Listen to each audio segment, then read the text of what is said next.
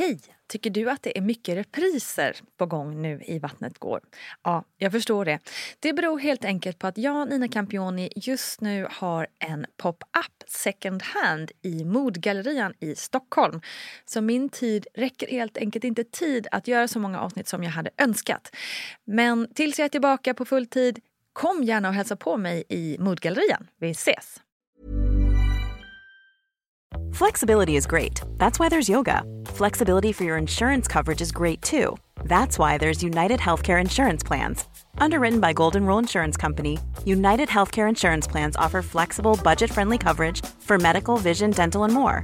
One of these plans may be right for you if you're, say, between jobs, coming off your parents' plan, turning a side hustle into a full hustle, or even missed open enrollment. Want more flexibility? Find out more about United Healthcare Insurance Plans at uh1.com. Quality sleep is essential for boosting energy, recovery, and well being. So, take your sleep to the next level with Sleep Number. With a Sleep Number smart bed, you can individualize your comfort level and enjoy a better sleep night after night. JD Power ranks Sleep Number number 1 in customer satisfaction with mattresses purchased in-store. And now the Queen Sleep Number C4 smart bed is only $1,599, a saving of $300 only for a limited time. For JD Power 2023 award information, visit jdpower.com/awards. Only at Sleep Number stores or sleepnumber.com. Hey, I'm Ryan Reynolds. Recently, I asked Mint Mobile's legal team if big wireless companies are allowed to raise prices due to inflation. They said yes. And then when I asked if raising prices technically violates those onerous two-year contracts, they said, "What the f*** are you talking about? You insane Hollywood ass." So to recap, we're cutting the price of Mint Unlimited from $30 a month to just $15 a month. Give it a try at mintmobile.com slash switch. $45 upfront for three months plus taxes and fees. Promo rate for new customers for limited time. Unlimited more than 40 gigabytes per month. Slows. Full terms at mintmobile.com. Hi, my name is Danny Pellegrino from Everything Iconic, and I'm excited to talk to you about Club Med. Club Med operates beach and mountain resorts and is the best all inclusive getaway for families. They have Club Med Punta Cana, their flagship family resort, and many other options in Mexico, the Caribbean, and around the world.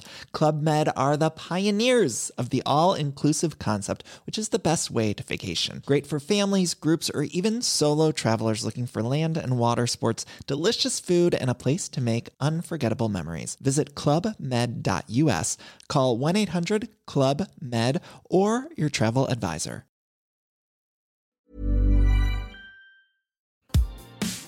Jag kände mig trygg. Jag kände att kroppen gjorde det den skulle göra. Och visst, det är kanske inte det man föredrar att föda i hallen. Men kroppen vet vad den ska göra när det går så snabbt. Supervälkomna ska ni vara allihopa till Vattnet går, en podcast om graviditet och förlossning. Jag är så himla glad att ni hittat hit allihopa. Jag heter Nina Johansson och kommer vara er ledsagare här genom programmet där vi idag träffar Emma Heimer från Örebro. Emma har två fina barn, Jolie och Alba. Men just idag kommer vi nog snacka allra mest om Alba för att hon hade så pass bråttom ut att Emma inte ens lyckades ta sig till BB. Med oss i programmet har vi också den ständigt så visa Gudrun Abascal, grundare av BB Sofia, som så klokt svarar på mina funderingar under programmets gång. Du blir gravid. Var det planerat? Nej, det var det inte.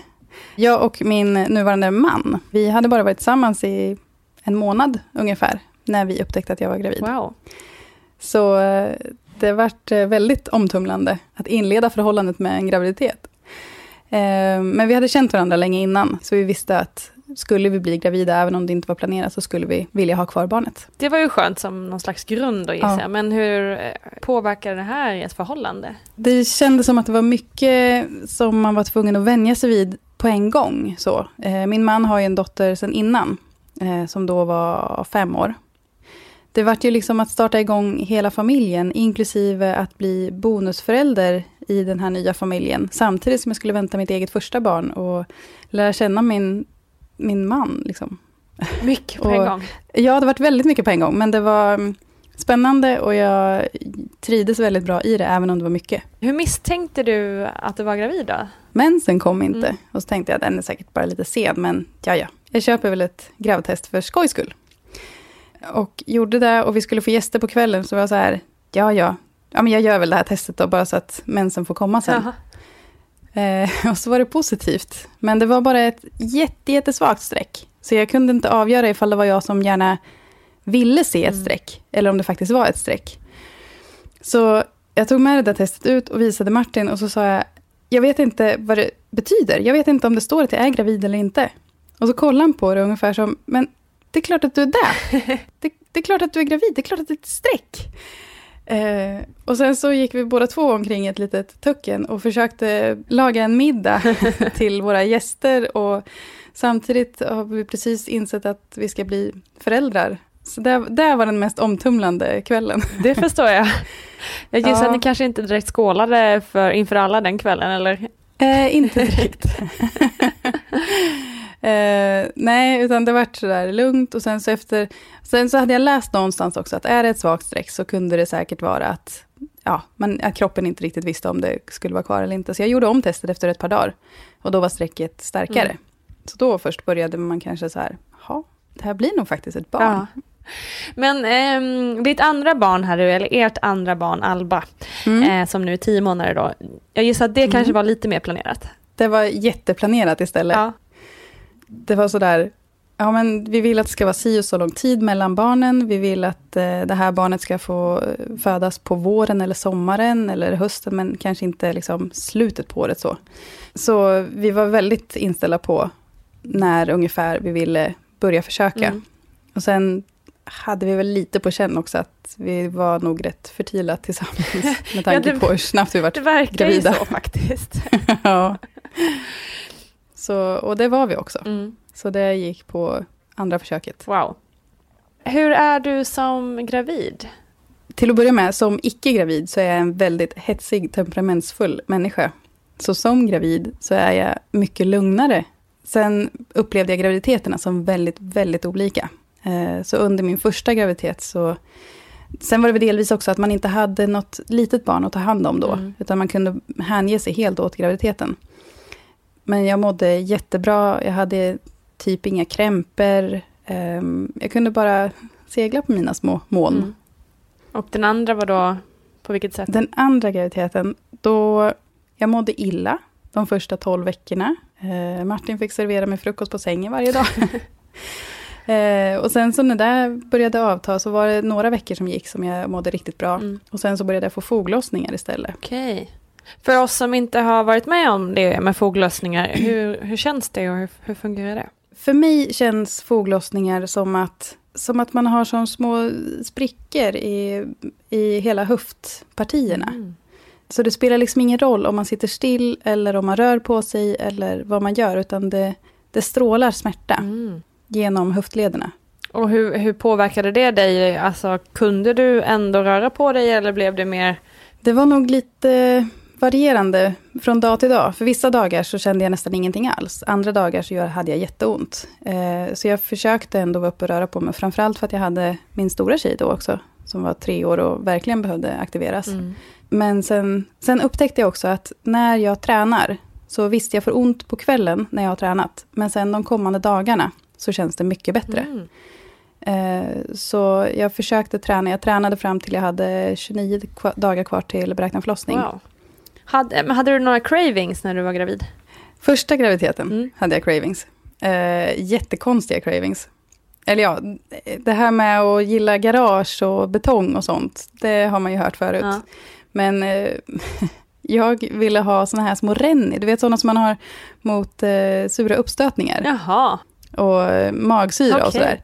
Jag hade inga sura uppstötningar, men de här små renni-tabletterna, just precis när man tuggade sönder dem, så vart det ju de som ett pulver i munnen. Mm. Och den känslan ville jag ha. Att du kom på det ens? Ja, men det var helt sanslöst. Jag vet inte hur många renni jag åt, Kul. helt i onödan. Och sen så fort jag hade fött barn så försvann det där.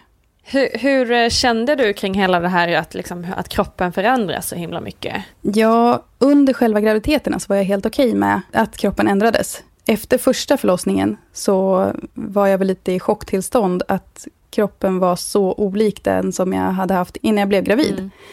Men just under graviditeten så njöt jag bara. Det, var ju, det är ju ett barn som växer in i mig, Mm. så det, då gjorde det ingenting. Efter andra förlossningen så var jag lite mer förberedd på att det kommer vara väldigt degigt Mm. och hängigt och allt sånt. Och då gjorde det inte heller någonting. Men jag hade nog behövt vara lite mer förberedd på hur det skulle kännas efter första. Mm. Hur förberedde du dig för den första förlossningen? Jag tyckte att jag borde känna lite mer oro än vad jag gjorde. För jag tyckte att det var bara så här, ja, den ska komma, det spelar ingen roll. Och så tänkte jag, nej, jag måste nog läsa på lite grann om vad som kan hända. Så jag läste ett gäng sådana här skräckscenarion Mhm. för vad som kan hända. Okej. Och alla säger runt omkring, nej, nej, nej, gör inte det. det är ju, herregud, då kommer du ju vara livrädd sen. Ja, men hur ska jag göra då? Jag har ju ingen aning om vad som väntar mig. Eh, så jag läste ett gäng sådana och kände mig inte mer orolig för det. Mm.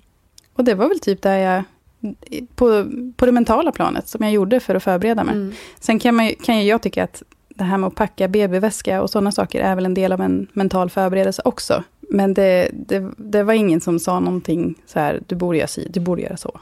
Men det här med vad man läste innan, det var Mm. viktigt för andra. Mm. Men du, vi börjar med din första förlossning här. Eh, hur, Mm. hur började den? Hur märkte du att det var någonting som var på gång? Eh, när vi hade gått och lagt oss på söndagskvällen, tror jag det var, eh, så kände jag att det kändes inte bra att ligga still i sängen. Att jag var tvungen att upp och röra på mig. Så jag var uppe och rörde på mig, satt vid tvn och så försökte jag gå och lägga mig igen. Och så kände jag att fasen, det gör ont i ryggen. Jag, jag kunde inte riktigt avgöra vad det var för någonting, men det skulle kunna vara mensvärk. Men så hade vi en tid på specialistmödravården dagen efter. Eh, eftersom att jag gick över så pass mycket så gick vi på varannan dags kontroll på mödravården. Vi ska ta, eh, hur, lång, hur lång tid gick du över förresten? 19 dagar. 19 dagar. Det är ju lång tid. Ja, Mm. det är lång tid. Nej, men så då när vi var där så passade jag på att säga där, liksom, att jag har haft jätteont i ryggen. Jag har inte kunnat sova på två nätter nu. Ehm, men har det någonting med förlossningen att göra? Och eh, den här manliga läkaren som var rätt ung och antagligen rätt nyutbildad säger nej, nej, nej. Alltså, bebisen kommer från magen. Så gör det inte ont i magen, då är det inte förlossningen som är på gång. Men gud. Nej, nej, Okej. okej, säger du det. Så då var jag ändå inne och gjorde en koll. Och den här barnmorskan som var med, som hade betydligt många fler år på nacken, sa raka motsatsen och sa, jo, det här kan visst vara förlossningen som är på gång. Ja. Eh, känn efter i kroppen liksom. Och det ser ut på CTG-apparaten som att det är någonting som är på gång. Mm. Eh, för att den indikerar att det händer någonting, typ var femte, tionde minut. Ja, okej. Så vi åkte hem. Det var ingenting mer under eftermiddagen heller.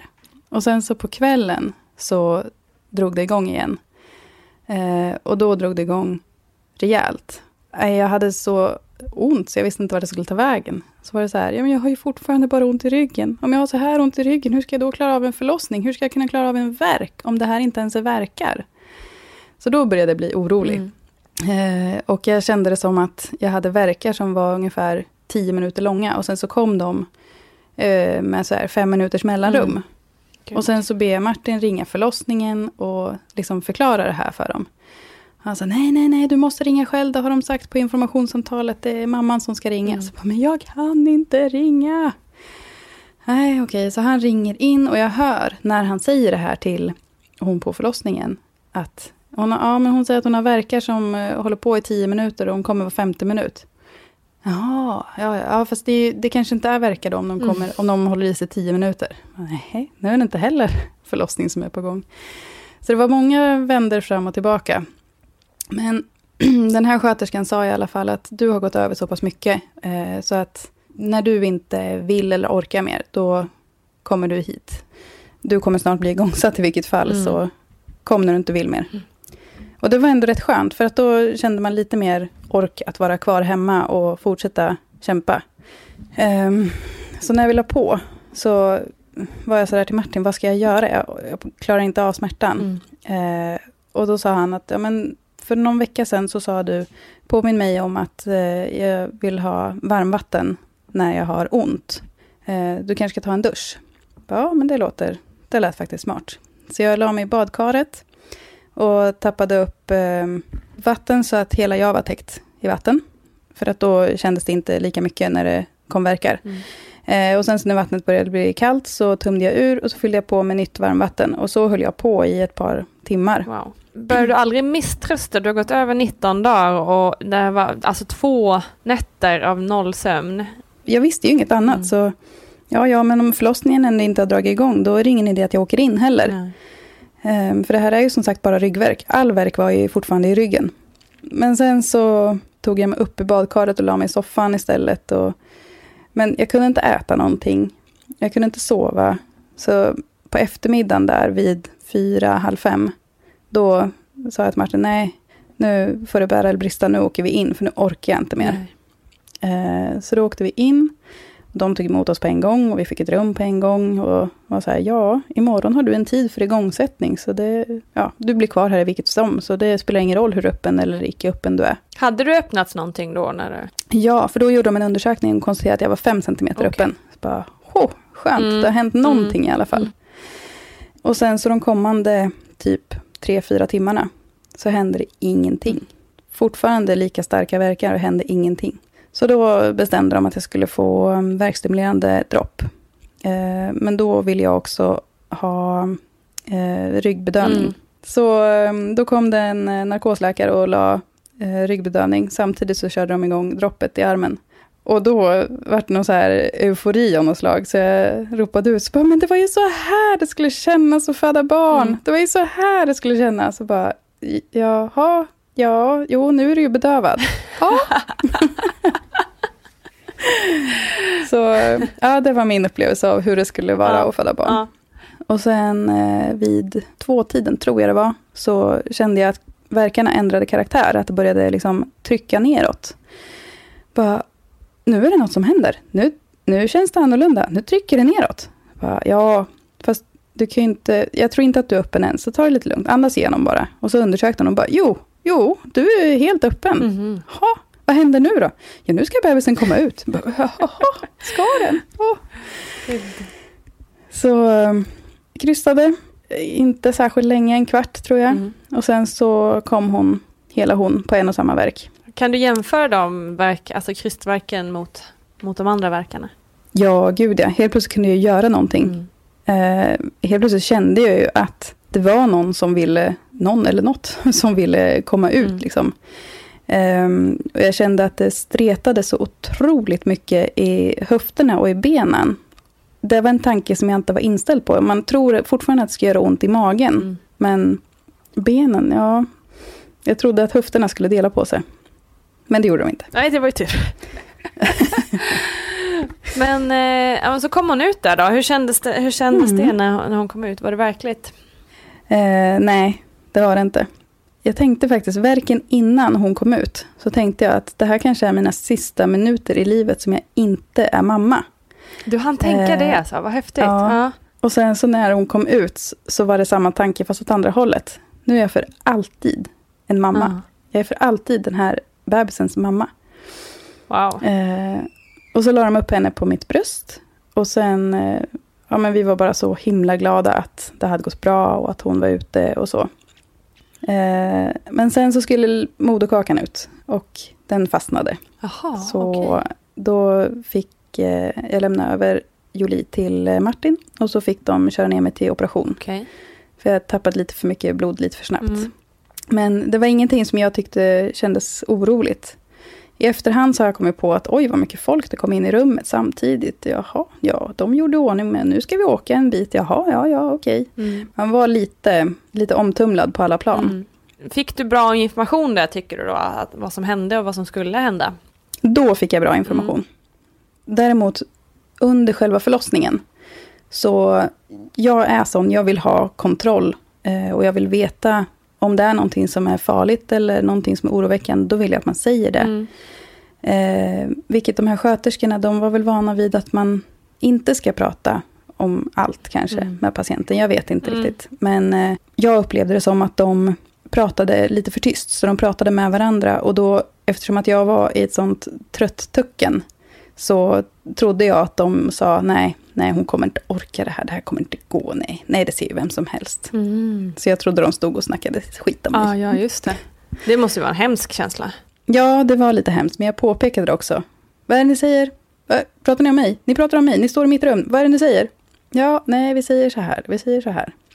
Och sen så, när läkaren kom in då, efter att hon var född, och de funderade på om det skulle bli operation, eller om de skulle göra ett nytt försök att få ut den först. Eh, då hade ju barnmorskan vant sig vid hur jag var. Så du, nu går du och jag ut och pratar istället. Mm. Eh, och det hade jag ingenting emot, för det, då var ju redan Jolie född. Mm. Då rullar de iväg dig till operation. Blir du, är det så att du blir sövd och hela den proceduren eller hur funkar det? Eh, ja, jag blev sövd, men jag tror inte jag hade sån här långsövning, utan jag tror att det var... Det finns ju tydligen någon kort variant och en lång variant. Eh, och jag tror att det bara var den här korta varianten, för jag var bara borta någon timme. Okej. Så. Hur kändes det då, sen när du fick komma tillbaka till din lilla bebis? Då kändes det overkligt. Mm. De rullade in mig i ett rum och så sa de, ja, här kommer eh, eh, pappan och, och lilla bebisen. Och jag så här, ja, fast vadå? Vems bebis då? Nej, det kan ju inte vara min. Men det var det. Ja, vad häftigt. Gudrun Abascal, BB Sofia. Varför fastnar moderkakan? Alltså det vet vi ju inte. Vi vet inte varför eh, den gör det. Ibland så spekulerar man i eh, och säger så här att moderkakan inte lossnar därför att livmodern orkar inte dra ihop sig så att man får verkar och sammandragningar i den utsträckning för att den ska, moderkakan ska släppa. Men sen varför det inte är så, det vet vi inte heller.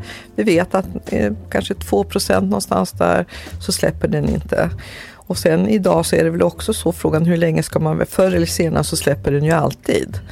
Och eh, vad vi är oroliga för att så vet vi att en viss del av moderkakan kan, kan lossna och då börjar kvinnan att blöda. Och det är ju det som är det farliga, inte att den sitter kvar utan det är ju den blödning som man får. Och idag så har vi sagt att när man har moderkakan inte lossnat inom en timme och kvinnan inte blöder så ska man hämta ut den. Därför annars är så risken stor att man får ännu värre konsekvenser i form av att en stor blödning och så vidare. Och det själva ingreppet i sig, är det en stor operation eller hur ser man på den typen av ingrepp? Alltså för kvinnan så, är så tycker jag så är det ett stort ingrepp men det är ju inte så att man behöver göra en operation i form av att ta fram någon kniv utan att man går in med handen Eh, genom slidan och så upp i livmodern och hämtar ut moderkakan med handen. Så att det är ju inte något övrigt ingrepp. I regel så, så blir man sövd eller så får man en, en eh, väldigt stark ryggbedövning så att det gör ju inte ont. Men alltså bara känslan av att det är någon som med sin hand går in och hämtar ut moderkakan kan jag ju förstå väcker mycket känslor bakom och inte någonting som, men då får man inte välja det som är bra utan det som är minst dåligt och då är det bättre att hämta ut moderkakan och inte blöda än att blöda mycket innan man tar ut moderkakan.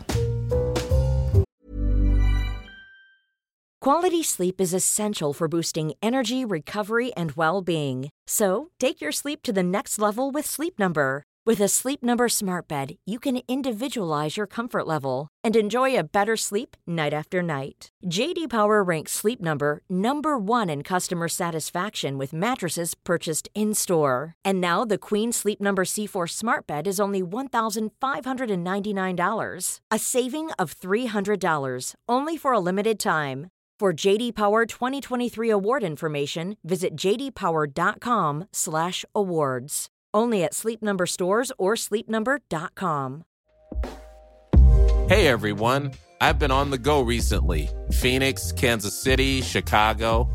If you're like me and have a home but aren't always at home, you have an Airbnb. Hosting your home or a spare room is a very practical side hustle. If you live in a big game town, you can Airbnb your place for fans to stay in. Your home might be worth more than you think. Find out how much at airbnb.com/slash host. Normally, being a little extra might be a bit much, but not when it comes to healthcare. That's why United Healthcare's Health Protector Guard fixed indemnity insurance plans, underwritten by Golden Rule Insurance Company, supplement your primary plan so you manage out of pocket costs. Learn more at uh1.com. Hi, I'm Dory Shafrir, And I'm Kate Spencer. and we are the hosts of Forever 35. And today, we're talking about Club Med, the best all inclusive getaway for families. Today, Club Med has nearly 70 resorts worldwide, from beachside resorts in the Caribbean and Mexico to magical locations in the Maldives and Morocco to ski resorts in the mountains from Canada to the Alps. Between their all inclusive family programming, wellness offerings, land and water sports, and their French heritage inspired food and drink offerings, Club Med is the best way to elevate your family getaway, no matter which location you're at. To learn more, visit clubmed.us. Hey, I'm Ryan Reynolds. At Mint Mobile, we like to do the opposite of what Big Wireless does. They charge you a lot, we charge you a little. So naturally, when they announced they'd be raising their prices due to inflation, we decided to deflate our prices due to not hating you. That's right. We're cutting the price of Mint Unlimited from $30 a month to just $15 a month. Give it a try at mintmobile.com slash switch. $45 upfront for three months plus taxes and fees. Promo rate for new customers for limited time. Unlimited more than 40 gigabytes per month. Slows. Full terms at mintmobile.com. Men du, din andra förlossning kan man säga var exakt tvärtom, eller vad ska man säga? ja. Vi hade pratat om det här hemma innan, för jag hade läst någonstans att den andra gravid- eller förlossningen tar ungefär halva tiden från den första. Mm. Ja, okej. Ja, men tre dygn ungefär. Då blir det ett och ett halvt dygn ungefär. Då. Ehm, så när jag började få förverkar på onsdag förmiddagen. Eh, Martins föräldrar var här och hämtade Jolie för de skulle åka ut i skogen och sådär. Och så sa jag till dem att ja, jag har lite, jag tror att jag har förverkar, jag vet inte riktigt, men ja, ja, men du får väl ringa om det är någonting. Så när de hade åkt så avtog det och så var det ingenting mer under dagen. Martin kom hem och vi käkade och jag åkte ner till ICA. Och sen så när jag ska gå till bilen med kassarna, då känner jag att fasen, jag kan inte lyfta kassarna. Jag fick stanna var tionde meter, inte för att jag hade verkar, utan jag fick stanna för att det gjorde så jäkla ont i ryggen när jag bar. Mm. Så ja, ja, men det är väl foglossningarna då. Eh, men jag tog mig till bilen och ringer Martin och säger att du, du får komma ut och hämta påsarna, för jag kan inte bära. Jag har skitont i ryggen. Ja, ja, okej. Så vi går in, sätter oss och kollar på TV och äter lite mellis och sådär. Har lite kvällsmys. Eh, och sen så vid tio så börjar det komma tillbaka, nej vid halv tio, så börjar det komma tillbaka lite sådär förverkar. Som faktiskt är lite mer att de håller i sin halv minut eller så. Och sen går den tio minuter ungefär. Mm. Eh, så vid kvart över tio så ringer jag till förlossningen. Eh, och frågar hur ska jag tänka med det här med, jag vill jättegärna eh, hinna få ryggbedövning. Hur ska jag tänka med verkar och antal verkar per minut för att hinna in innan liksom, jag är helt öppen. Så. Ja, men du känner din kropp och det är din andra graviditet, så att du, du känner ju när det är på gång. Men nu under det här samtalet när vi har pratat, då har du ju inte fått några verkar vad det har låtit som. Så nej, det har jag inte. Nej, vi har ju pratat i sju minuter nu, så det är ju ingenting på gång än på ett bra tag i alla fall. Så det är nog lugnt. Mm. Eh, och jag tyckte det kändes bra så. Eh, och Martin gick och la sig. Och jag skulle gå och lägga mig, men jag var så här, fasen, jag kan inte sova, jag tar en dusch istället. Så vid tolvtiden så tog jag en dusch. Eh, och i duschen så kommer första verken med skräll. Och precis i verken så tar varmvattnet slut. så helt plötsligt så är jag mitt i en verk och det är iskallt vatten Nej, som rinner över mig. Men eh, så sen, ja, jag gick ut från duschen och så gick jag in till Martin och sa att det är nog verkar på, som är på gång på riktigt nu. Men eh, jag går och borstar tänderna och går och lägger mig och så får vi se om det avtar, om jag lägger mig ner eller om det fortsätter. Och sen så när jag ligger ner så kommer de, ja, en verk var tionde minut ungefär. Eh, men de börjar göra så pass ont så jag säger till Martin att ring dina föräldrar så de får komma hit och ta tjejerna. Mm. Han lägger på med dem och sen så ska jag resa på mig och klä på mig så att jag kan packa det sista i BB-väskan. Men jag kommer inte upp ur sängen. För så fort jag försöker spänna någon muskel så kommer det en verk. Så Martin fick mer eller mindre lyfta ur benen ur sängen så att jag hamnade bredvid sängen. Så jag står, jag står bredvid sängen och har händerna mot sängen. Och precis så kommer jag ihåg att jag stod med, när jag, när jag var mitt i förlossningen med Jolie. Mm. Och hade de här 10 minutersverkarna med fem minuters mellanrum. Så då tänkte jag, okej, nu är det ungefär ett halvt dygn kvar tills den här bebisen föds då. Mm. Eh, men jag kunde ju inte gå. Jag kunde inte flytta benen. Så jag la mig ner på alla fyra. Och sen så tog jag min mobil och min laddare, för det är ju det viktigaste när man ska föda barn. Naturligtvis. Och sen så kastade jag fram dem ett steg och så kröp jag ifatt dem. Och så kastade jag fram dem ett steg och så kröp jag ifatt dem. Och sen däremellan så kom det verkar med väldigt oregelbundet. Ibland kunde det vara två minuter emellan, ibland var det tio minuter emellan. Mm. Men jag tar mig i alla fall ut mot hallen. Men inser att det här funkar inte. Vi kan inte vänta på Martins föräldrar. Vi måste åka nu. Mm. Eh, Så jag säger till Martin att han ska springa över till grannarna. För de visste ju om och de hade sagt att kom över ifall det blir bråttom så tar vi tjejerna. Så han säger att han ska springa över dit, vilket han aldrig gör, har han erkänt i efterhand. För att han hade insett att det var lite mer bråttom än så. Eh, så det går en verk till och sen säger jag att du, alltså jag, jag tror att du får ringa ambulansen. Men gud, ja. Och jag känner mig helt, jag känner mig så dum när jag säger det, för man ringer inte ambulansen för att man ska föda barn. Inte i min värld. Eh, så han ringer SOS och hon på SOS säger också att är ni säkra på att ni inte kan ta er in själva? Mm. Eh, och Martin tittar på mig och så, du kan inte ta dig ut till bilen va? Ja. Nej, det går inte. Och precis då kommer Martins föräldrar. Eh, och Martins pappa är ambulansförare. Aha. Så han ringer ner till sjukhuset och säger att det här är inte en vattnet har gått, utan nu kommer bebisen. Eh, så de tar med sig en barnmorska direkt när de åker ut. Mm. Så de eh, kommer efter, ja då är klockan eh, tio över två Mm. när de kommer till oss. Så länge, Ambulansen. hur länge har du legat där då i hallen? Det har väl tagit mig 40 minuter Mm. ungefär att ta med de här 15 metrarna. Wow. Mm. Men man, man har ju ingen tidsuppfattning Nej, så gud, heller. verkligen inte. Men vad gör de där när de kommer hem till er? Liksom hur...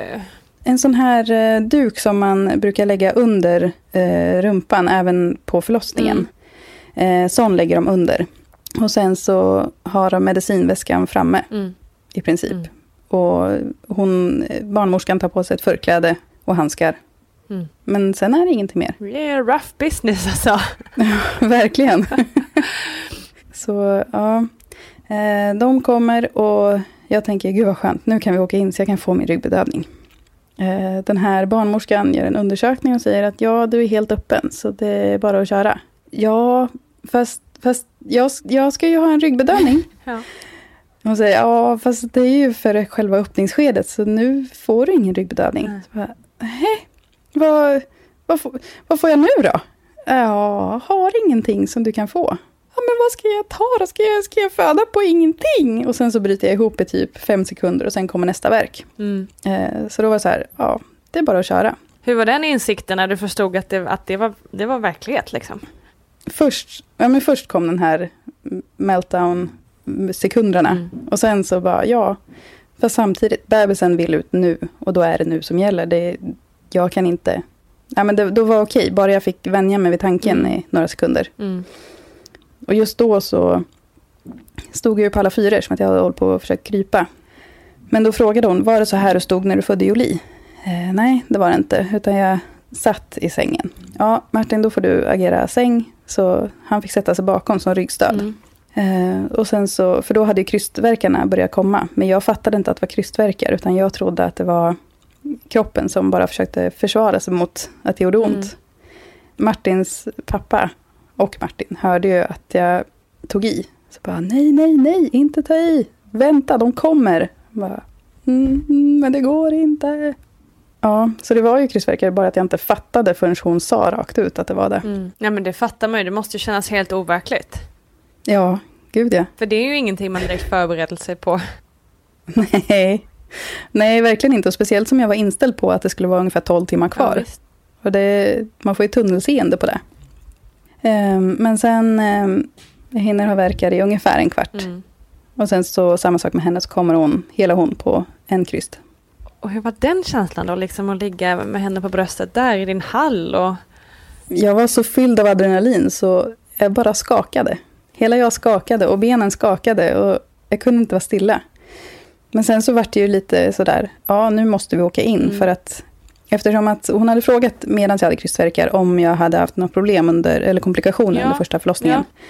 Eh, och då sa jag att moderkakan Mm. inte kom ut som den skulle. Mm. Så då fick jag en spruta eh, som skulle göra så att blodet koagulerade sig lättare. Mm. Så att jag inte skulle få någon stor blödning. Mm. Och sen så gjorde hon ett försök att få ut moderkakan, men det gick inte. Okej. Eh, så då var det så här, nej, nu måste vi åka in till sjukhus och ta ut den här. Så jag födde mitt barn, hon lades upp på bröstet och sen så fick de, eh, vad heter det? När de tar en handduk och eh, ruggar på ryggen på barnet Mm. för att vara säkra på att andningen är igång. Mm. Och vi pratade om det under tiden. Hon sa att jag gör det här för att skulle det hända någonting så har vi inga apparater eller maskiner att tillgå. Och därför så är, vill jag göra extra noga så att jag vet att hon är igång med andningen. Mm. Och då, då säger man ju ingenting om Nej, det. gud, verkligen. hellre, hellre där liksom. Så ja, såg till att hon var igång. Och sen så höll hon i henne medan jag reste på mig och gick ut i ambulansen. Eh, Så direkt efter förlossningen resa sig upp och gå ut och sätta sig på en bår och åka in till sjukhuset. Mm. Det har Martin sagt i, i efterhand, att fattar du vad häftigt? Du föder ett barn, du väntar ett, några minuter bara. Sen reser du upp, reser du upp och går ut till ambulansen Ja, är- och sätter och åker iväg. Det är helt otroligt. Vilken jäkla bragd alltså. Ja, det kändes lite häftigt. Ja.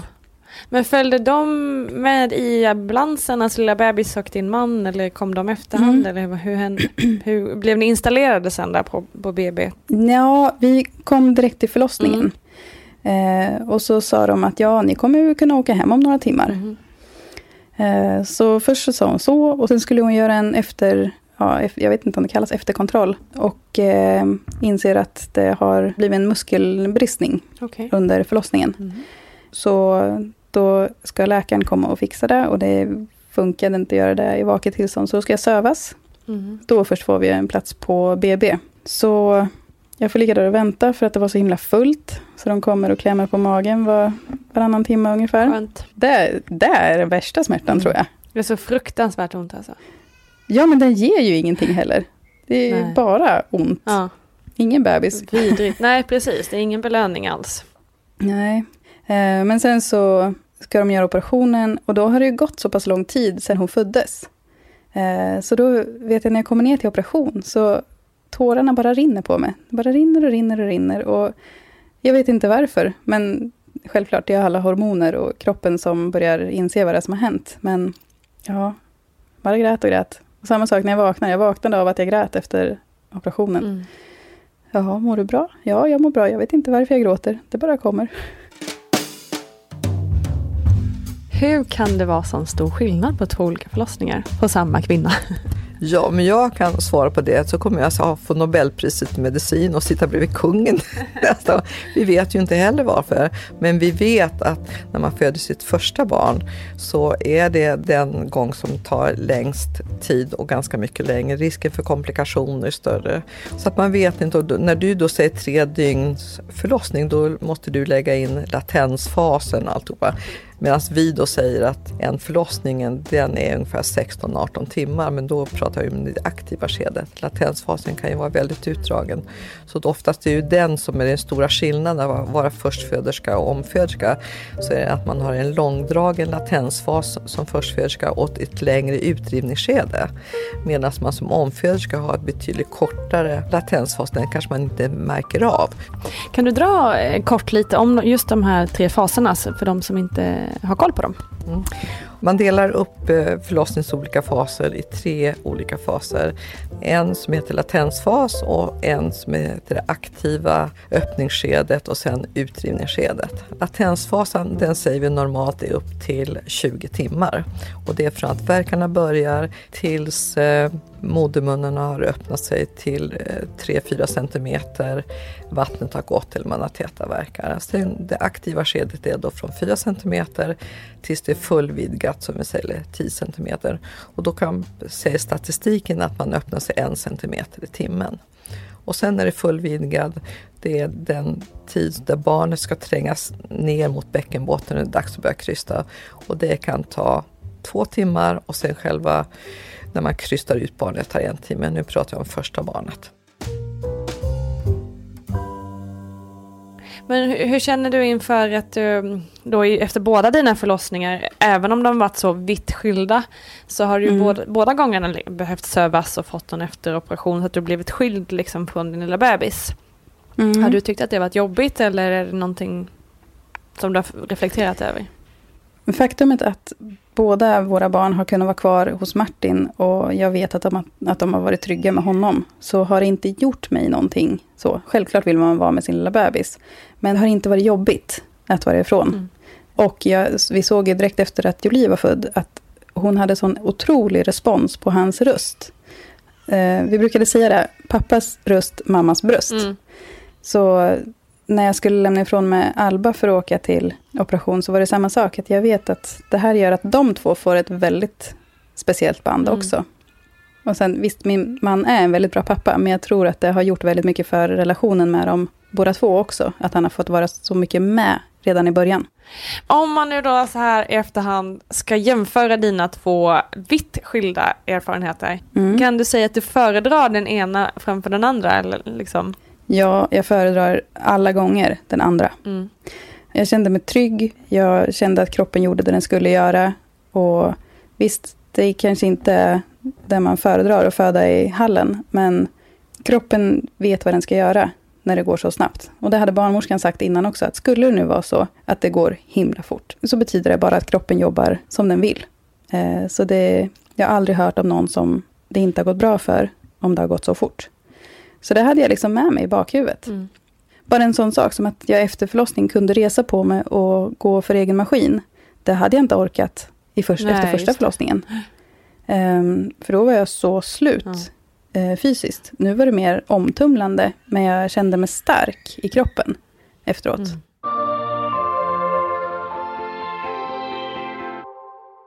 Vad skulle du säga att du vet idag som du inte visste innan du blev gravid?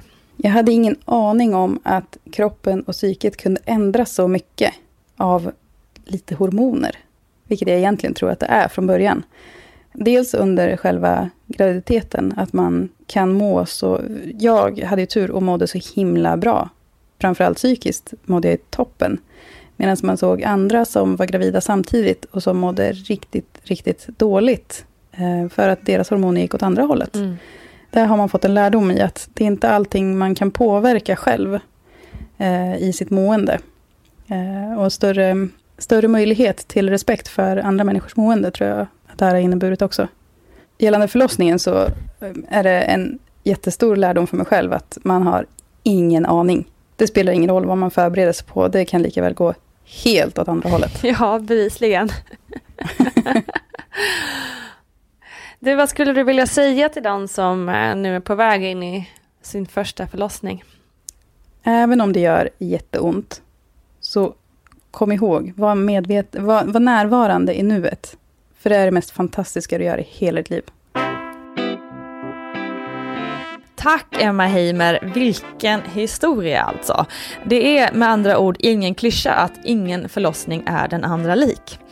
I nästa avsnitt så möter vi medieprofilen Tilde Fröling och då kommer vi prata mycket om graviditeter och hur fruktansvärt det faktiskt ibland kan vara. vad fan är det man trycker ut? Det är fyra kilo, det är mycket. Tacka fan för att man vaknade upp och bara förstod inte varför man hade typ babianarsle. Jag bara, vad är det här? Jag fattade ingenting. Jag var helt övertygad om att jag hade blivit sjuk och de tittade på mig, men alltså du har fött barn. Jag bara, aha, okej. Det var ingen som sa att jag skulle se ut så här efter. Alltså jag fick panik. Producerat av Perfect Day Media.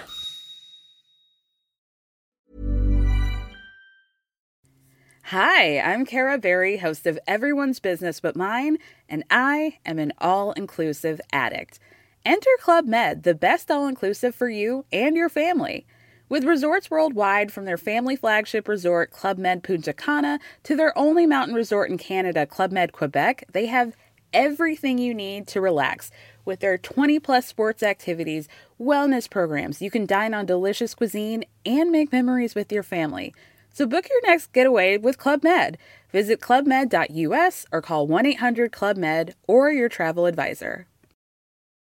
As humans, we're naturally driven by the search for better. But when it comes to hiring, the best way to search for a candidate isn't to search at all. Don't search, match with Indeed. When I was looking to hire someone, it was so slow and overwhelming.